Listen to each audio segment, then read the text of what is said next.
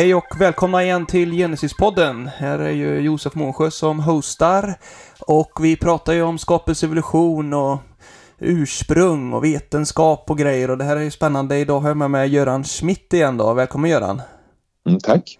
Och vi är ju inne i ett slutskede där vi håller på och färdigställer en serie då om eh, ett debattsamtal med Sebastian Ibstedt. Vi spelade faktiskt in det mesta av det innan eh, sommaren, men vi hann inte riktigt mål och, och framförallt eh, du Göran kanske haft lite för fullt upp med allt möjligt annat och vi har precis färdigställt våran årskonferens och sådär, så det fick vänta lite detta. Men nu är vi på G igen, så det känns ju bra. Mm. Eh, vi kan ju nämna något först från konferensen. Vad är, är ditt intryck Göran där att vi hade en härlig årskonferens på webben, eller hur kändes det? Var det en ledande fråga eller? Det var lite ledande. Jag är faktiskt med i Genesis också. Ja, nej men det var en jättebra konferens och, och du gjorde ett jättebra jobb Josef också och hålla ihop alltihopa. Det var ett jättespännande föredrag. För er som inte hört det så, så det var prof, det, professor i matematisk statistik, Ola Hörscher från Stockholms universitet som hade ett, ett intressant föredrag om sin forskning. Eh, och sen så har det Peter Stenomgard som eh, är tekniker och har skrivit en hel del om det här med eh, världsbilder och hur, hur trovärdig, hur, hur mycket man kan lita på vetenskap helt enkelt. Det handlar mycket om sånt.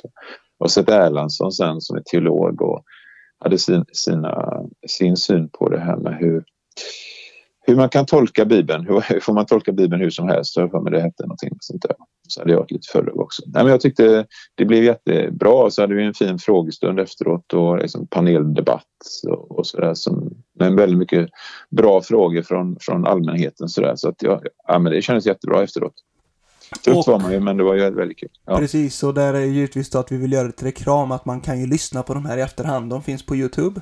Man går in på Genesis Sverige så kan man eh, hitta dem där under årskonferensen. Det finns en liten egen eh, mapp som heter det. Så gå gärna in och, och kika på det och så ska vi köra igång här med vårat eh, svar då till eh, Sebastian Ibstedts eh, senaste inspelningarna. Vi har gjort två stycken avsnitt med honom som ligger ute och så blir det här ett första svar. Det blir förmodligen i, i två delar. Men eh, du får ta oss in i detta Göran nu här alltså. Det, vi ska ju runda av detta och, och sammanfatta den här eh, debatten också så det blir inga mer vändor efter detta. Men vad, vad är ditt, eh, det första liksom som du vill nämna kring det här? Ja, nej, alltså först får vi säga att det, det är jättekul att Sebastian och, och även Lars Gunther tidigare då ville vara med och dela sina uppfattningar här på, på, på Genesis-podden. Då. Eh, just den här diskussionen med människans ursprung har väl kommit lite grann till en eh, punkt där det är så mycket ja, men, sån detaljnivå nu så att det kan vara lite svårt om man inte är väldigt insatt då att hänga med i svängarna. Så att jag tänkte att det är väl lite läge att runda av, precis som du säger, den här diskussionen nu. Och jag ska kommentera lite grann vad, vad Sebastian säger också här såklart. Eh, och så ska jag ge några, något litteraturtips också för om man vill veta mer om hur jag och andra evolutionskritiker ser på det här då.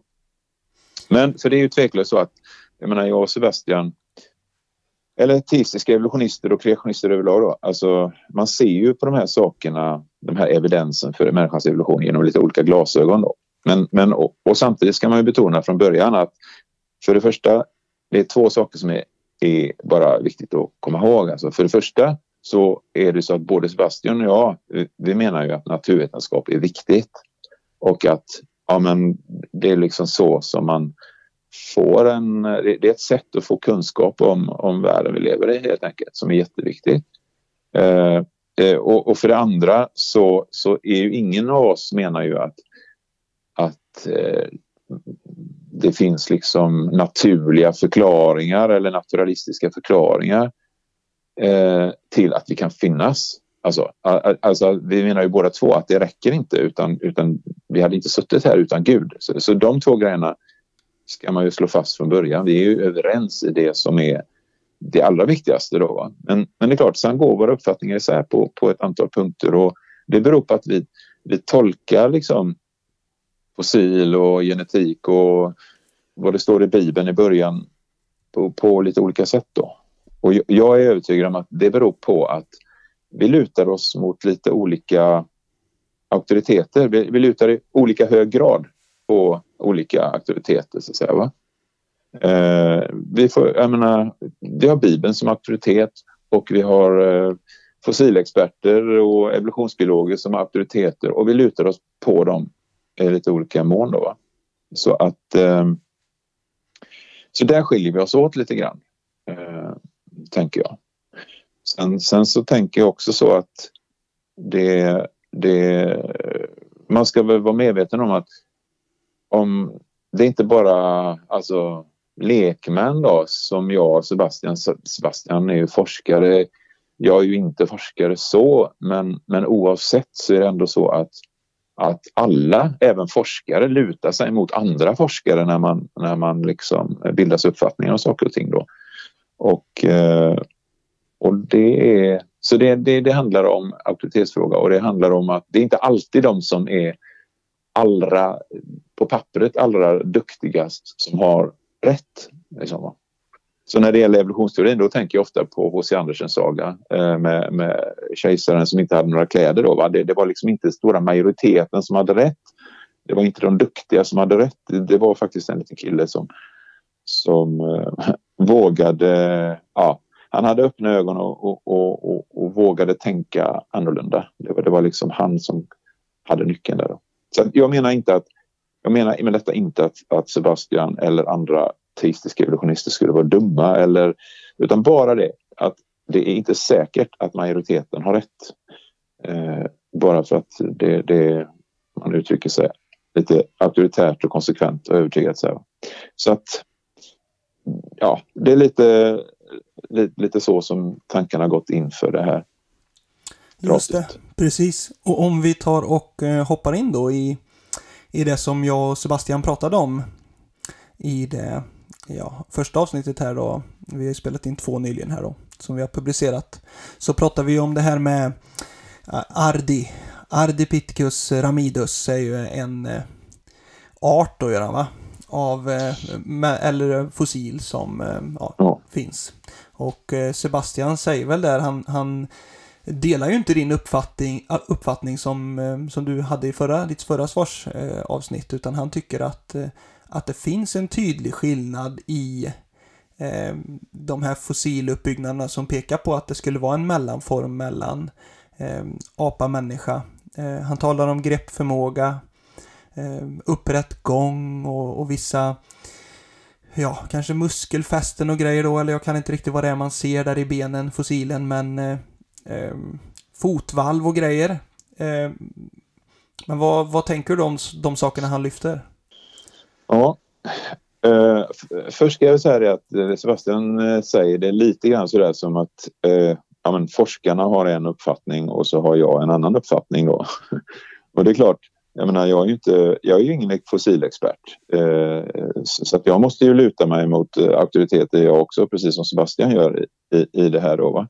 Och, och då vill jag bara säga det att eh, så är det naturligtvis inte att jag har en uppfattning och forskaren en annan utan, utan det är så här att bland sekulära forskare så, så är det, är det, är det, har man djupt delade meningar om eh, Ardis eh, jag menar, status som, som länk i människans eh, påstådda evolution. Då, va? Alltså, en del forskare tycker som Sebastian att, att Ardipithecus är, är någon sorts mellanting i fråga om vissa aspekter då, Eh, mellan människa och eh, apliknande varelser. Då.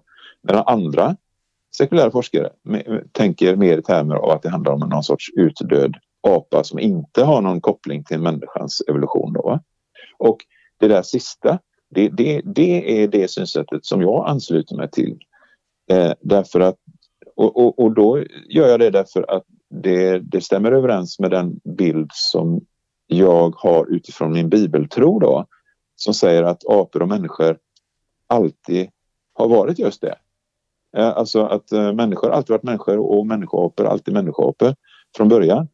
Eh, så, så att, och det gör det eftersom Sebastian har en evolutionär syn på människan så, så lutar han sig alltså, ganska naturligt då, mot de forskarna som tänker på ett sätt. Och jag lutar mig mot forskare som tänker på ett annat. Så, då, så får det vara liksom på något sätt. Jag måste, säga det, jag måste säga det Göran att jag, ja. jag gillar inte det här ordet människoapor alltså. Men det är ju vedertaget. Men du menar ju mm. alltså, det är ju inte en blandning utan, utan det handlar ju om de stora mm. aporna, ja. visst är det så? Ja, men precis. Alltså, man skiljer ju där på människoapor och apmänniskor. Och det, det, det, det är viktigt att betona det. Va? Apmänniskor, det är ju de här Lucy och alla de här andra. Va?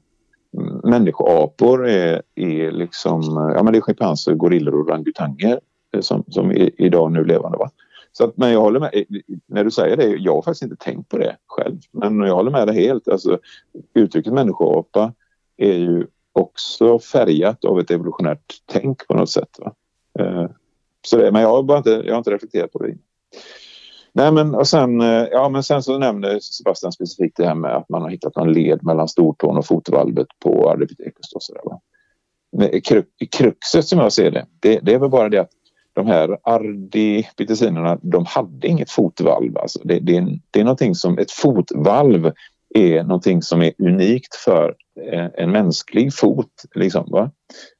Alla apor, både sådana som lever nu och sådana som är utdödade, är, de är plattfotade så att säga. Som, vilket gör att de är väldigt dåliga på att promenera. Eh, så. Men å andra sidan, så alla nu levande apor eh, de har liksom ett liksom, lite varierande levnadssätt. En del av dem är oftare nere på marken och eh, går korta sträckor och sådär. Andra är nästan alltid uppe i, uppe i träden och lever där. Och de som tillbringar viss tid på marken då, de, de gör det för att deras fötter tillåter det utan att det, det blir alltför obekvämt för dem. Så, så, sådär, va? Alltså apor generellt har ju liksom händer på fötterna om man säger så. Så att därför så är det jättejobbigt för en av Det är som vi ska gå på händer. Det blir som besvärligt. Va? Så, att, och, så att man skulle säkert kunna upprätta någon sorts utvecklingsträd med hjälp av nu levande apor eh, sådär och, och, och kunna göra det. Va? Eh, men då har det ju inte någon som helst bäring på evolutionsfrågan så att säga. Va? Och det är samma med de här utdöda aporna då, vilket jag tror att det här handlar om. Det är samma sak med dem då. Ja, men det kan väl säkert finnas någon utdöd apa som har lite mer människoliknande drag med sina plattfotade fötter så att säga. Va? Men det, har, det spelar noll roll egentligen. Så att eh, det, det är min eh, syn på det med eh, med det här med fotdiskussionen om man säger så då, då. Så du menar att den kan alltså liksom lite grann eh, skilja sig från det generella apvarianten men, ja, men, men, inte i någon större utsträckning liksom så det är fortfarande otroligt stor skillnad till människans fot? Nej men precis, alltså det, det är liksom ingen tvekan om att, om att eh, eh, att, att, att fötterna på Ardipithecus är, är aplika så att säga. Det är ju ingen tvekan om det så att säga. Va? Eh, å andra sidan, det, det finns liksom ingen forskare som hävdar, eh, inte ens de som tror att Ardipithecus var en apa då.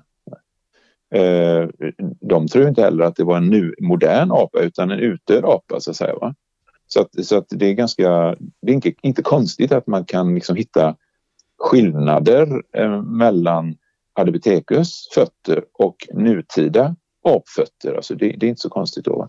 Men det finns, att, finns det inom ramen då liksom för hur eh, den ursprungliga apan eller apsorterna skapades? Du, du, tycker den finns i närheten liksom av den Nej, men alltså, eh, det, det är inget, alltså, hade, hade, man sett, hade man sett Ardipithecus eh, även de beskrivningarna som, som alltså evolutionsbiologer gör eller antropologer gör av, av Ardipithecus eller Lucy, om man, om man ser dem så är, och om man då tar bort, eh, då, skalar av lite grann, alltså konstnärers eh, liksom, eh, sätt att göra dem människolika utan bara utgår från evidensen så, så är det ju ingen tvekan om att vi hade sett framför oss någonting som liknade en apa.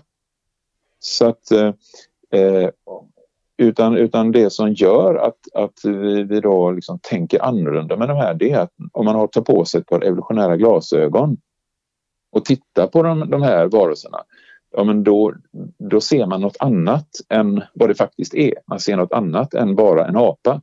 Man ser då liksom de iklädda någon sorts evolutionär eh, dräkt eller sådär, va? Att, att de är en länk i vår utvecklingskedja. Sådär, va? Men, men så är det när en evolutionist tittar på en schimpans nu levande schimpanser så, så är det på samma sätt.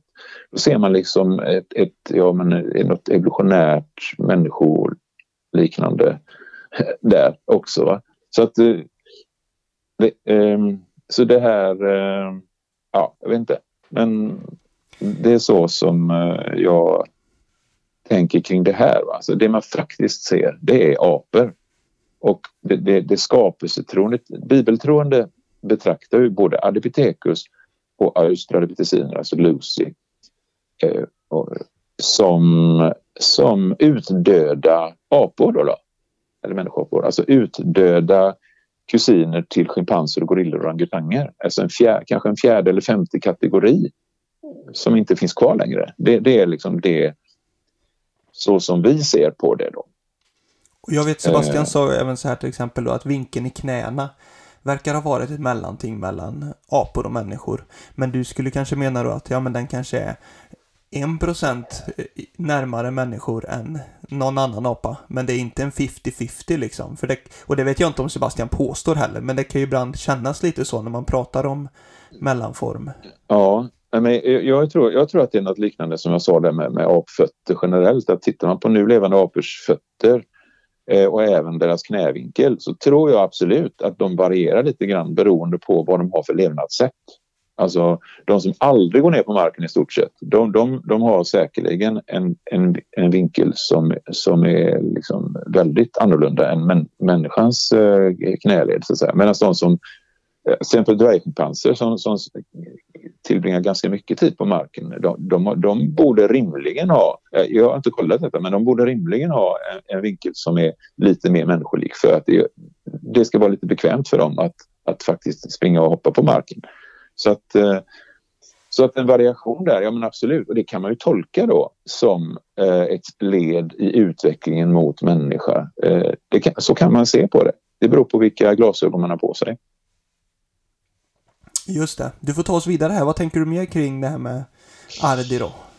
Jo, ja, vad sa han mer här? Alltså att, jo men det var en grej här med att Ardi Pithecus hittades, jag hade sagt att um, Ett område på liksom, 6000 ja, kvadratkilometer eller 6 kvadratkilometer? Nej, oj. Ja, någonting, eller ja, en diameter i alla fall på det då. Nej, men det, jag, jag läste om den här rapporten eh, och, eh, och där, där, eh, därför jag ger Sebastian rätt då i, i liksom områdets storlek där. Det står så här i rapporten, om jag översätter till svenska skallen. Det, här är, jo, det är så här då alltså att Ardi, Ardi, äh, det som brukar kallas Ardi, det är en individ då av, av det här djuret. Eh, och eh, sen så eh, och, och det fossilet hittade man då eh, på tre kvadratmeter någonting, sa Sebastian och det stämmer nog. Eh, sen så hade man ett större område och utgrävde då med där det var ett antal kilometer på tvärs då. Eh, och där hittar man flera individer då.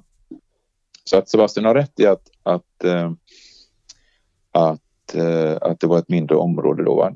Jag, jag läste i rapporten då så här, skallen var särskilt påverkad, söndertrampad då och ansiktsdelarna och tänderna hos Ardi är detta nu då, det här. Eh, tänderna var vitt spridda över utgrävningsområdet, alltså widely scattered across the excavated area. Då. Och då tolkade jag det som utgrävningsområdet i dess helhet då, som, som var liksom flera kilometer. Men, men eh, läser man noga så kan man se då att det här området det, så, så, så handlar det om tre kvadratmeter. Då, va? Så att eh, så kan jag, jag, kan läsa då ett citat ifrån eh, alltså han som upptäckte eh, Ardi då, han heter Tim White. Han ledde den här expeditionen och han skriver så här. Han blir intervjuad i en, en tidskrift då. Eh, till slut hade teamet påträffat delar från 35 Adipithecus-individer spridda över i stora drag 6 kilometer, 4 miles. Då eh, av ålderdomligt landskap nära en afarby som hette Aramis. Eh, fossilen innefattar en nästintill komplett hand och arm och en underkäke men det delvis kompletta arderskelettet har orsakat mest diskussion i synnerhet kring ett ben från stortåbasen som kallas medial cuneiform. Det visar sig att hennes tå skulle ha stuckit ut från hennes fot som en tumme och att hon skulle ha kunnat använda den för att gripa med. Den skiljer sig egentligen inte från människoapor och det är det som är förvånande, säger antropologen Tim White från Berkeley i Kalifornien. Den är helt och hållet som en människoapa. Så att Tim White säger själv det, alltså, den här foten då är som en hand verkligen. Den, den skiljer sig inte alls då. Och där nämner han ju då det här att det här stora området. Så att det är lite förvirrande. De använder sig två olika områden i samma artikel. Alltså. Så rätt ska vara rätt. Det var tre kvadratmeter man hittade just de här bitarna på. Men jag tycker det är viktigt att man inte liksom tappar perspektivet över skogen nu bara för något enstaka träd. För att de delarna, det var inte många delar som var välbevarade av de man hittade. Det var i stort sett bara hand och fotben. Och de går nästan inte att skilja från en trälevande människoapa. Eller ja, typ schimpans och sådär. Va? Så att, och allt, allt, i stort sett allt som har hävdats om Ardipithecus och som, som bland annat Sebastian hänvisar till har kritiserats och inte av kreationister utan i erkända eh, sådana här tidskrifter som Nature och Science och, och sådana här. Va? Och, eh, och, och, i de här tidskrifterna så framförs den här alternativa synen att det helt enkelt handlar om en utdöd människoapa. Men av de här sakerna märks det ingenting om man går in och tittar på populära framställningar alltså som eh, Wikipedia eller om man kollar på, på läromedel och sånt. Utan där är det bara en sida som får komma fram. Då. Så att, men om man zoomar ut tillräckligt mycket från de här benfliserna så kan man, kan man säga i alla fall så här att om man, om man eh, eh ja, alltså det är två perspektiv. Det ena är att det, här handlar om en länk i människans kedja och det, det, andra perspektivet är att det här handlar om en, en utdöd, eh, eh, ett utdött släkte av eh, då, vid sidan av schimpans och gorilla. Då. Så det, det, är de två synsätten och eh, eh ja. Finns det, det finns det, några spår, som... Göran, efter människor eller människofossil i de här lagren eller längre ner? Jag vet att jag och Sebastian ja. diskuterade lite och du nämnde säkert ja, någonting i avsnittet innan där liksom. Ja, precis. Jo, men det, där var det. Jag, jag sa så här. Jag, jag sa vad jag, jag, jag lyssnade igenom en gång till vad jag sa. Jag sa så här att både mänskliga fotspår, skelettdelar och tecken på redskapsanvändning förekommer i samma geologiska lager som Australopithecines som Lucy och till och med före Ardi då, skrev jag. Och vad gäller Lucy så stämmer det helt. I fråga om Ardipithecus så gäller det bara i fråga om fotspår. Det, det, det borde jag väl ha poängterat. Det blev lite typ syftningsfel där. Och det missade jag. Men, men det viktigaste är alltså att det finns tydlig evidens för att det, det har existerat upprättgående människor i djupare liggande lager än Adipithecus. På åtminstone en annan plats, nämligen på Kreta då. Så att eh, eh, det, det, är bara, alltså den som är intresserad kan bara googla och skriva in Human Footprint Crete, alltså mänskliga fotavtryck Kreta. Eh, och, och, då hittar man liksom bilder på de här fotspåren. fotspåren som alltså då ska vara 1,2 miljoner år äldre än eh, Ardipithecus då, med sina apfötter. Och det sker så, med någon slags datering då liksom och det är säkert omdebatterade ja. åldrar med då, även inom evolutionära led? Ja. Eller är det självklart att de är så gamla, evolutionärt sett? Ja, ja alltså Ardeli dateras ju till typ 4,5, knappt 4,5 miljoner år då va? Och, eh, och det är samma, det är med hjälp av argon-argon-metoden. Det är alltså samma metod som man använder för att datera Lucy, som är då är någon miljon år yngre då. Eh, och, och, och, det är en sån här metod som man kalibrerar med hjälp av en annan metod som heter Kalium-Ragon-metoden. Och, och, den metoden den visar helt uppåt väggarna. Så med, med den metoden kan man, eh, alltså daterar man eh, Eh, alltså material från nutida vulkanutbrott så får man ålder på miljontals år med den metoden som man har daterat både Lucy och Adipithecus med. Så, att, så, så det, vad ska man säga, eh, Jo, att eh, man får ta sådana här dateringar med en, en tunna salt. Inte en nypa salt, men en tunna salt. Så att säga, va? Sen, eh, men, men det, jag menar, det, det är en annan och det är en stor fråga ja. där med dateringen. Så, som man kanske men de här Kreta-fotspåren i alla fall, och de är också daterade med, sa du, argon, argon? Ja, de, eh, det, det, vet jag inte vilken metod man använt där faktiskt. Men, men, eh, men det går ju att kolla i när man läser i de här artiklarna. Men, men de, är, de är i alla fall är över en miljon år äldre än Ardipithecus enligt den här dateringsmetoden då, vilken det nu är. Och, eh, och det betyder alltså att de, ligger i, de finns i djupare liggande geologiska lager än Ardipithecus och naturligtvis Lucy som ligger ännu högre upp då. Så, att, så att det är helt klart, det har vandrat varelser som sätter mänskliga fotavtryck tidigare än vad Ramidus kunde ha gjort och, och, hennes fötter har vi ju faktiskt bevarade ben av och de var aplika. Så att eh, det är svårt att komma ifrån det här alltså. Jag tror att en, innebär, en, en sån här känd. Ja, kör på. Nej, men jag tänker som Richard Leakey som är jättekänd så här. Jag menar, han, det, här det här är någonting som är helt i linje med vad han anser då. Han, han är ju evolutionist, men han menar ju då att människan och eh, de här Lucy och gänget, att de levde samtidigt sida vid sida. Och det tror jag med. Men inte så länge sedan såklart.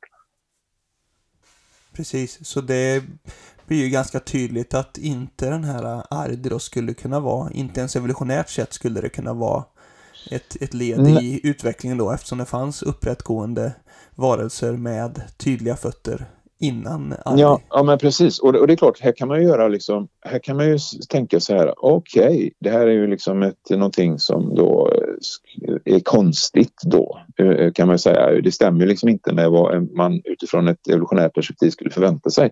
Men man kan ju åtminstone det man kan säga säkert är att nu kan man göra en sån här förutsägelse då, eller prediktion som det så fint heter.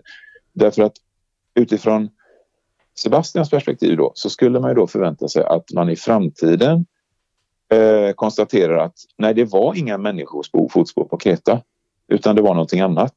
Eh, då. Det, det, det, är ju rimligt att det, det får vi se då. Men utifrån vårt perspektiv, skapelseperspektivet, då skulle man förvänta sig att istället hitta fler sådana här gamla fotspår då. Eh, och också andra fotspår, eh, eller andra, liksom, eh, inte fotspår bara, men, men andra spår av, av, eh, av människor liksom, som till exempel typ stenverktyg eller andra kulturlämningar. Så, här, va? så att, eh, för det har man gjort till exempel när det gäller Lucy och Astrid Australopithecina. Då har man verkligen hittat alltså, spår av mänsklig kultur eh, samtidigt med dem. Och, eh, och det finns ju dessutom människofotspår i Lucys lager så att säga nere, nere i eh, vad heter det, Letoli. Eh, jag kommer inte ihåg vilket land det är. Kenya eller Tanzania eller vilket är det? Ja, någonstans där ja, precis. Så att, ja, men, men, så att vi får se då, då. Vi kan väl säga att eh, än så länge, om det visar sig att, att de här fotspåren inte var människofotspår, då har vi ett läge. Eh, det, det, är liksom något som Sebastian kanske skulle förvänta sig då. Eh, och jag skulle istället förvänta mig att man kommer hitta fler och fler sådana här tecken på eh, gammal då, närvaro av människor, moderna människor. Och jag antar att ett annat, sätt, ett annat sätt som evolutionen skulle kunna lösa det på är att flytta människans utveckling bakåt i tiden. Ja, ja, det är jättelätt gjort. Det är bara istället säga att ja, det här visar att det, människans evolution är 15 eh, miljoner år istället för 7. Eh, så. Och det finns redan tendenser till att man börjar göra så. Eh, men ja, vi går vidare. Eller vill du säga vi något mer om detta?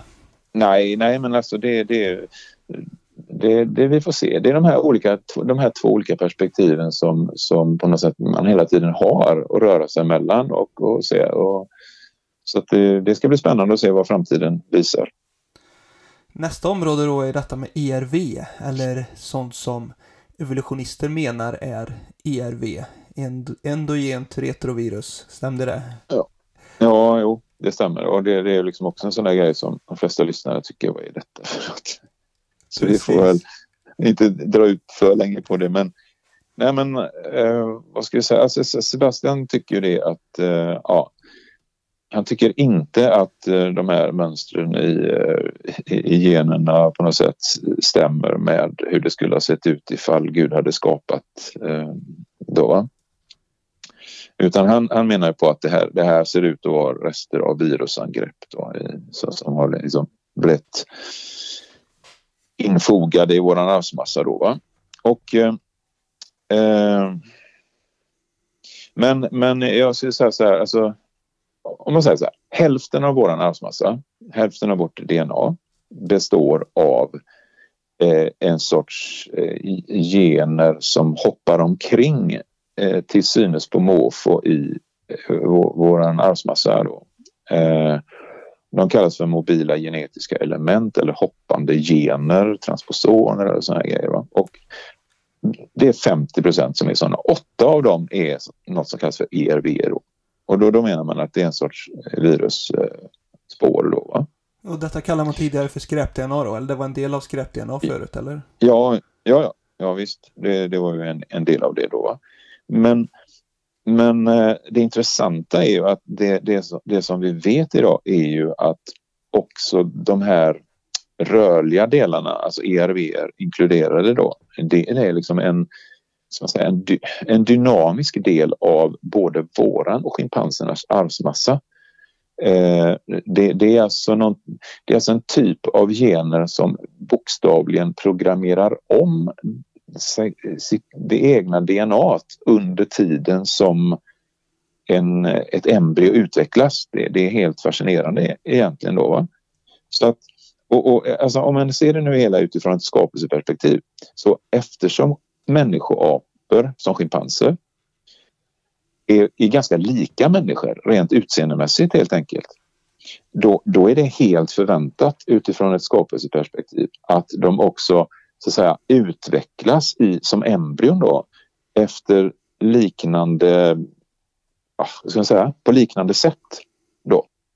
Och, och det i sig eh, måste ju då bero på att det finns en genetisk programmering som gör, som styr den utvecklingen då. Så att därför förväntar vi oss då att den genetiska programmeringen hos schimpanser och människor liknar varandra i, i många avseenden. Och och det som styr embryoutvecklingen det är just de här så kallade hoppande generna inklusive ERVR. De är med inblandade i den här fantastiskt komplexa processen när ett ägg blir en, en individ. Så, så att...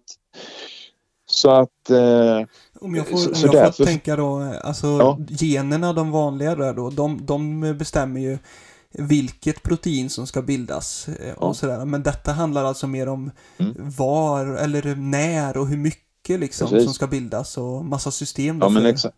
Ja men precis, alltså, det är bara 2% av vårt DNA som, som kodar för, alltså, som utgör recept på proteiner som då bygger upp kropparna, vare sig det är en schimpans eller människa. Och, och, där har ju, och de generna är jättelika mellan schimpans och människa.